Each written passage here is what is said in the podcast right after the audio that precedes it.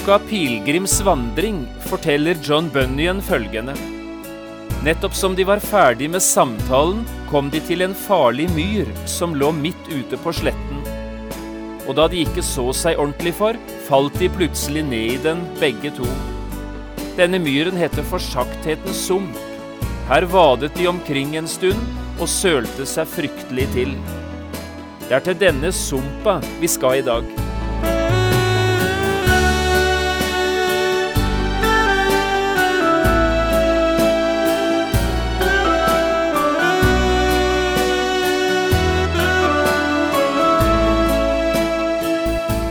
Hjertelig velkommen til et nytt program i serien Vindu mot livet.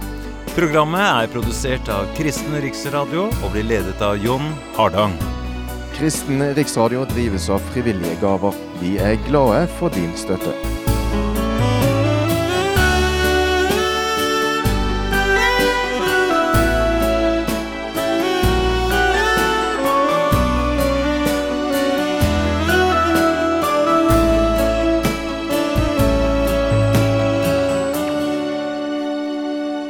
Vi skal i dag fortsette vår bibelundervisningsserie og bygge en bibelsk karakter.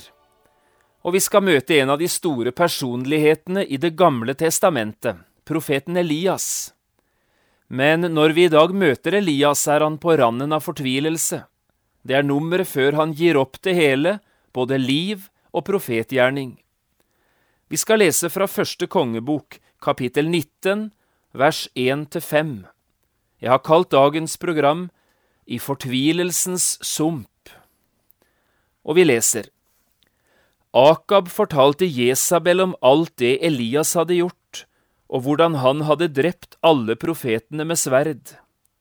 Da sendte Jesabel en budbærer til Elias med disse ordene. Gudene la det gå meg ille både nå og siden, om jeg ikke i morgen på denne tid gjør med ditt liv som det er gjort med deres liv. Da ble Elias redd. Han gjorde seg i stand og dro av sted for å berge livet. Og han kom til Beersheba, som hører til Juda. Der lot han tjenestegutten sin bli tilbake, og selv gikk han en dagsreise ut i ørkenen. Der satte han seg under en gyvelbusk, og han ønsket seg døden og sa, Det er nok, ta nå mitt liv, Herre for jeg er ikke bedre enn mine fedre. Så la han seg ned og sovnet under gyvelbusken.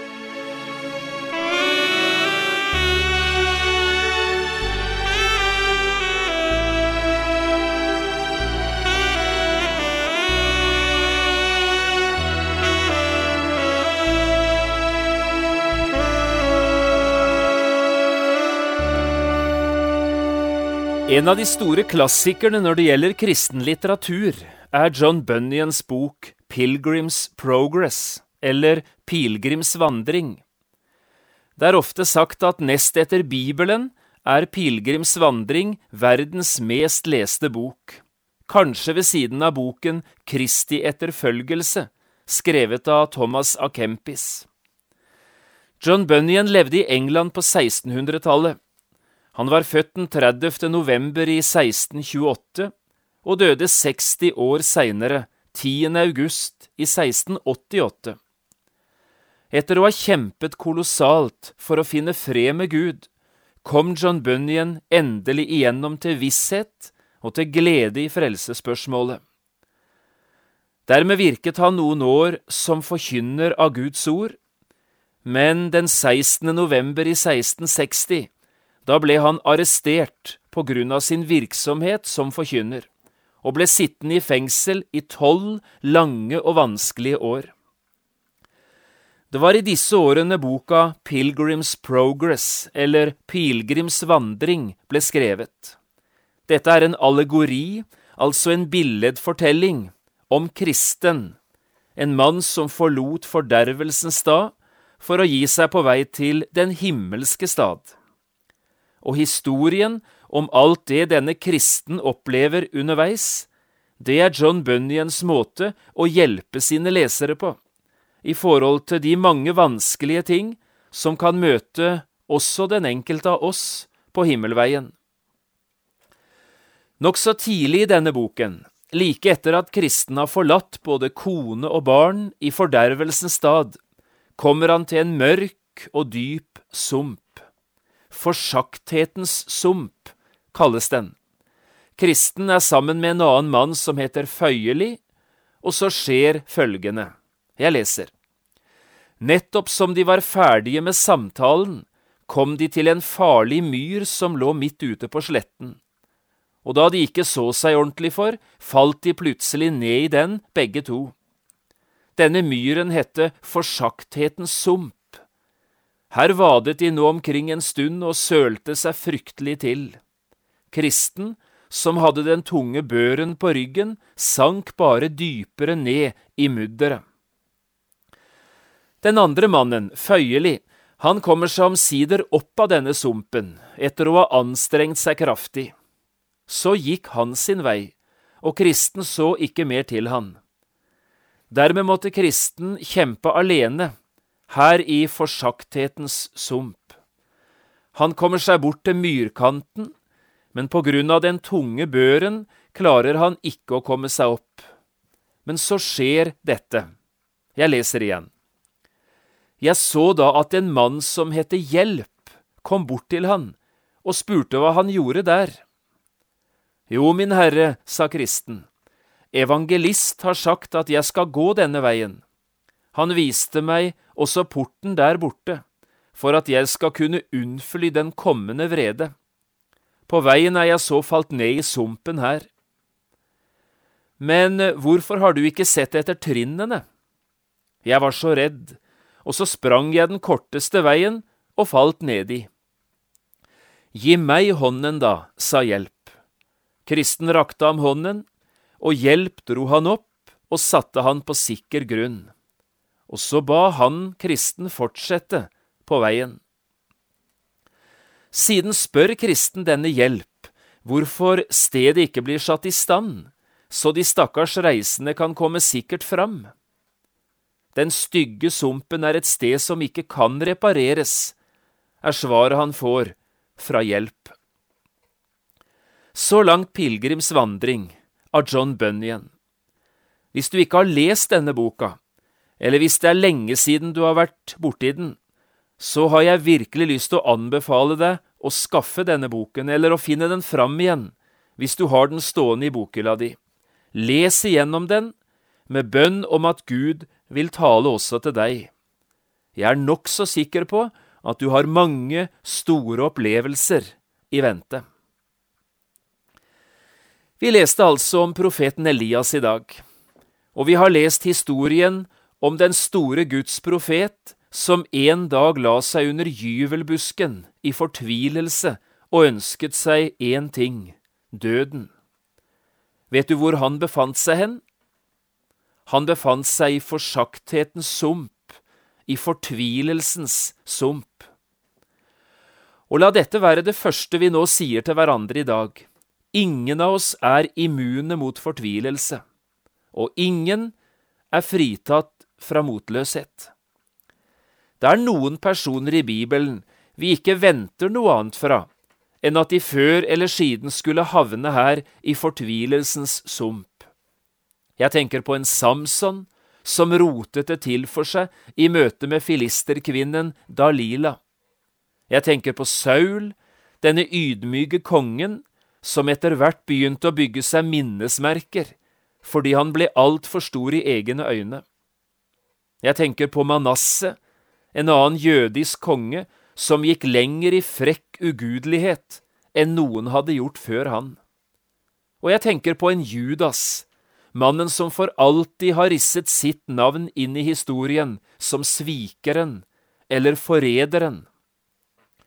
Ingen av oss blir overrasket over å finne slike mennesker her nede i forsakthetens sump, i fortvilelsen. Det som er mer overraskende, er de andre vi møter der. Leser vi Bibelen nøye, finner vi mange, og iallfall fire store bibelske karakterer, som ikke bare kjempet med motløshet, men som hver på sin måte holdt på å gå under i denne fortvilelsens sump. Fire menn som Herren virkelig fikk bruke til velsignelse for sitt rike, men som altså også opplevde store depresjoner i livet sitt. Jeg tenker på Moses, som i fjerde Mosebok elleve sier til Gud, Jeg makter ikke å bære hele dette folket alene, det er for tungt for meg. Er det slik du vil gjøre mot meg, så drep meg heller med en gang. Moses har vært leder for millioner av mennesker i årevis, og nå sier han det er ikke verdt det. Eller profeten Jonah, mannen som like etter at storbyevangelisten har ledet det største vekkelsesmøtet i menneskenes historie, sitter borte under et tre i motløshet.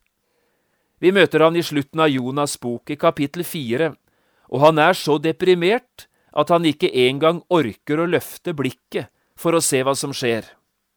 Fortvilelsens sump. Jeg tenker på Paulus, som i andre Korinterbrev 1 sier at han tvilte på at livet sto til å redde da han var i Asia. Vi regnet oss alt som dødsdømte, sier han, den største misjonæren som verden til dags dato har sett. Og så kanskje det mest overraskende alt. Vi møter også profeten Elias i en slik forfatning, som vi altså her leste om. Totalt prisgitt motløsheten, og i ferd med å gå under i fortvilelsens sump. Slik lyder det fra profetens egen munn, og vi leste det, ikke sant? Det er nok. Ta nå mitt liv, Herre, for jeg er ikke bedre enn mine fedre. Dersom Elias sier det er ikke verdt det. Og hør nå, hvis de kunne oppleve dette, disse store Guds menn, fortvilelse, motløshet og forsakthet, ja, så kan vi risikere å oppleve det, vi også, hver eneste en av oss som lytter nå. Ingen er immun mot fortvilelse. Når vi så leser de første versene her i kapittel 19 i første kongebok, oppdager vi at det er fire personer dette egentlig handler om. Den første er en konge, den andre er kona hans, den tredje er profet, og den fjerde, det er Gud selv. I vers 1 møter vi den første av dem, Israels konge Akab. Vi leste det slik.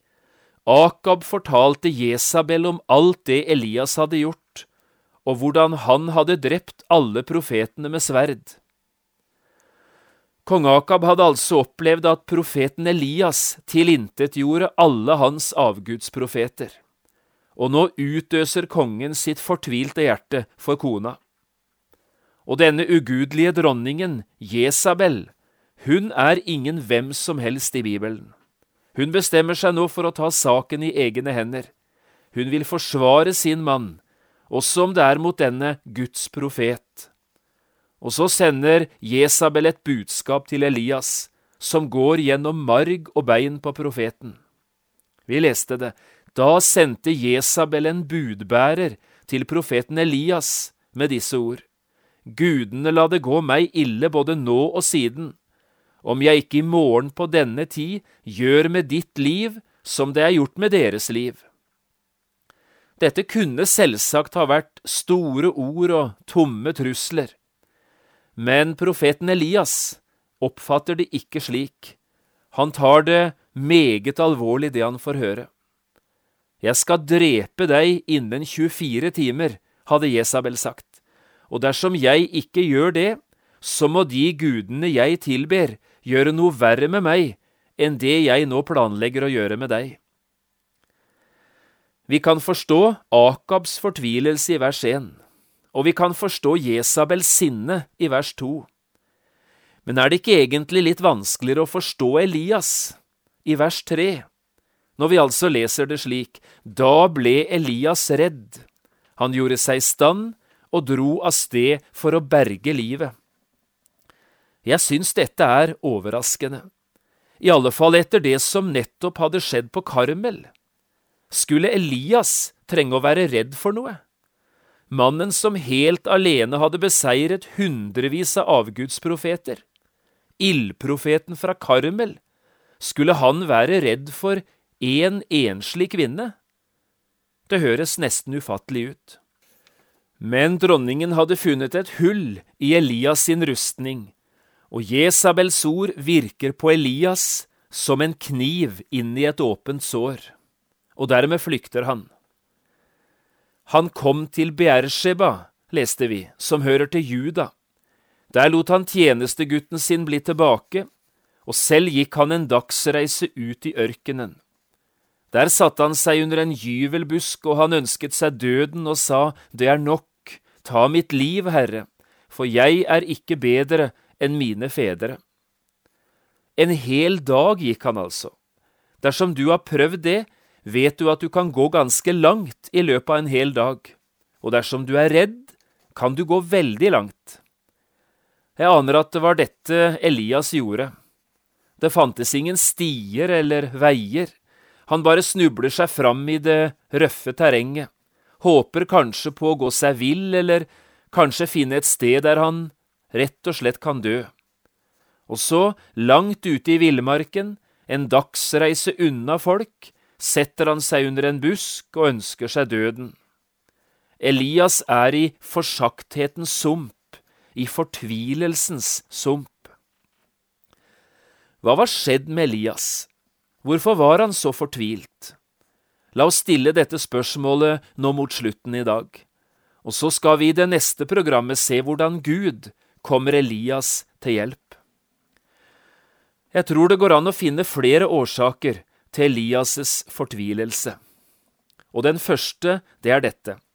Elias klarer ikke å tenke klart. Det har vi allerede sagt litt om. Hvem skulle ha trodd at ildprofeten fra Karmel skulle bry seg om Jesabel. Etter å ha sett Guds makt og Guds trofasthet demonstrert slik Elias hadde opplevd det. Men Jesabels ord slår helt beina unna Elias. Og jeg tror det er slik vi kan ha opplevd det, noen hver av oss. Vi går omkring og bekymrer oss, og ofte gjør vi det på grunn av ting som andre mennesker sier til oss, eller er i ferd med å gjøre med oss og så glemmer vi helt bort at også over vårt liv finnes det en himmel og en Gud. Elias så ut til å ha glemt alt dette. Han tok Jesabels trusler alvorlig, og siden han ikke klarte å tenke klart, var han heller ikke i stand til å se at dette bare var tomme ord. Ikke roper han til Herren heller, vi hører ikke ett ord i dette avsnittet om bønn. Dersom han faller rett ned i fortvilelsens sump og er helt ute av stand til å komme seg opp igjen. Og så flykter profeten uten å være i stand til å tenke klart. Den andre grunnen må være dette. Elias valgte isolasjon framfor fellesskap, og den styrke som et fellesskap kan gi, den mistet Elias. Først flykter han fra Karmel, fra alt og alle som han der hadde omkring seg. Og vel framme ved Beersheba forlater han også tjenestegutten. Så havner han ute i ørkenen, helt isolert og alene. Og når vi så møter Elias, har han lagt seg til å sove under en gyvelbusk. Og sengene som finnes under gyvelbusker, det er alltid enkeltsenger. Motløse og fortvilte mennesker er alltid mer alene enn de har godt av. De har en fristelse til å kutte alle bånd. Det finnes nok unntak, men det er det vanlige. Fortvilte mennesker isolerer seg. Og så det tredje. Dette var dagen derpå i Elias' liv. Elias opplever her i første kongebok 19 en skikkelig blåmandag. Han opplever etterdønningene av den store seieren på Karmel. Denne historien leser vi om i kapittelet foran, altså første kongebok 18, og er en utrolig sterk og flott historie. Gud gir Elias en kjempeseier over hundrevis av avgudsprofeter når han lar ild falle ned fra himmelen, som fortærer både offerdyr og alt vannet i grøfta omkring. Og folket så det bare den levende Gud Israels Gud, bare Han er Gud. Men i hælene på denne store opplevelsen ser vi så Elias komme gående ned fra Karmel, utslitt og sårbar. Du har sikkert hørt dette før, men kanskje trenger du å høre det igjen. Du er på ditt mest sårbare like etter at du har opplevd dine største seire. Det er derfor mandagen ofte blir kalt blåmandag. Og det er derfor du skal la være å ta viktige beslutninger i livet på slike mandager.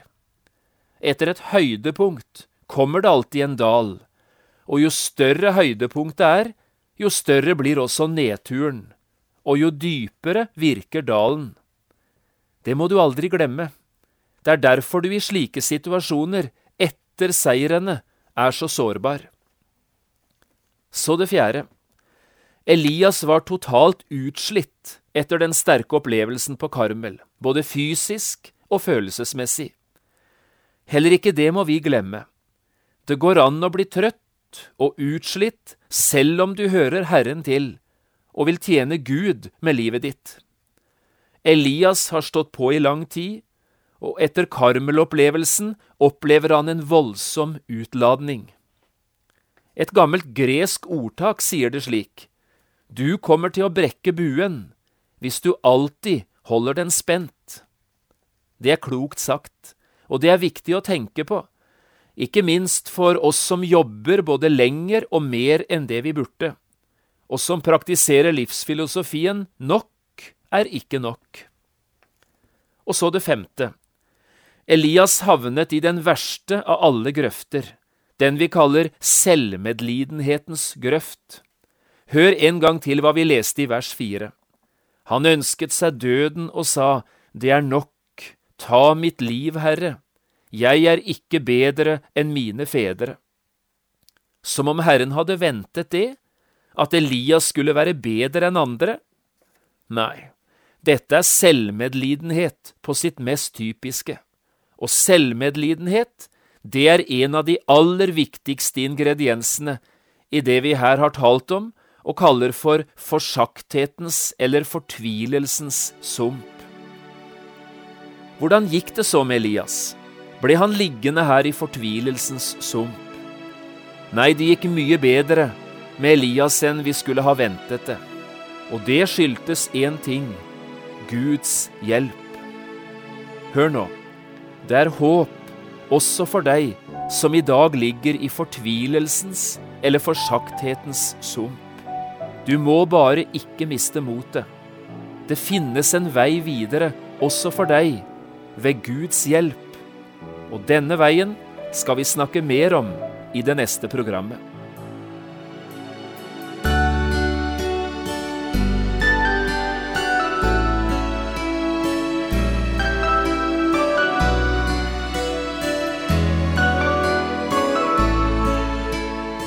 Du har hørt på et program fra serien Vindu mot livet med John Hardang. Programmer i denne serien kan også kjøpes på CD fra P7 Kristen Riksradio, eller høres på internett på p7.no. Har du spørsmål eller kommentarer til det du nå har hørt, kan du ta kontakt med oss på telefon. Da bruker du telefonnummer 56 32 17 01. Du kan også sende oss en e-post. Adressen er vml krøllalfa p7.no. Takk for i dag, og på gjenhør. Bye.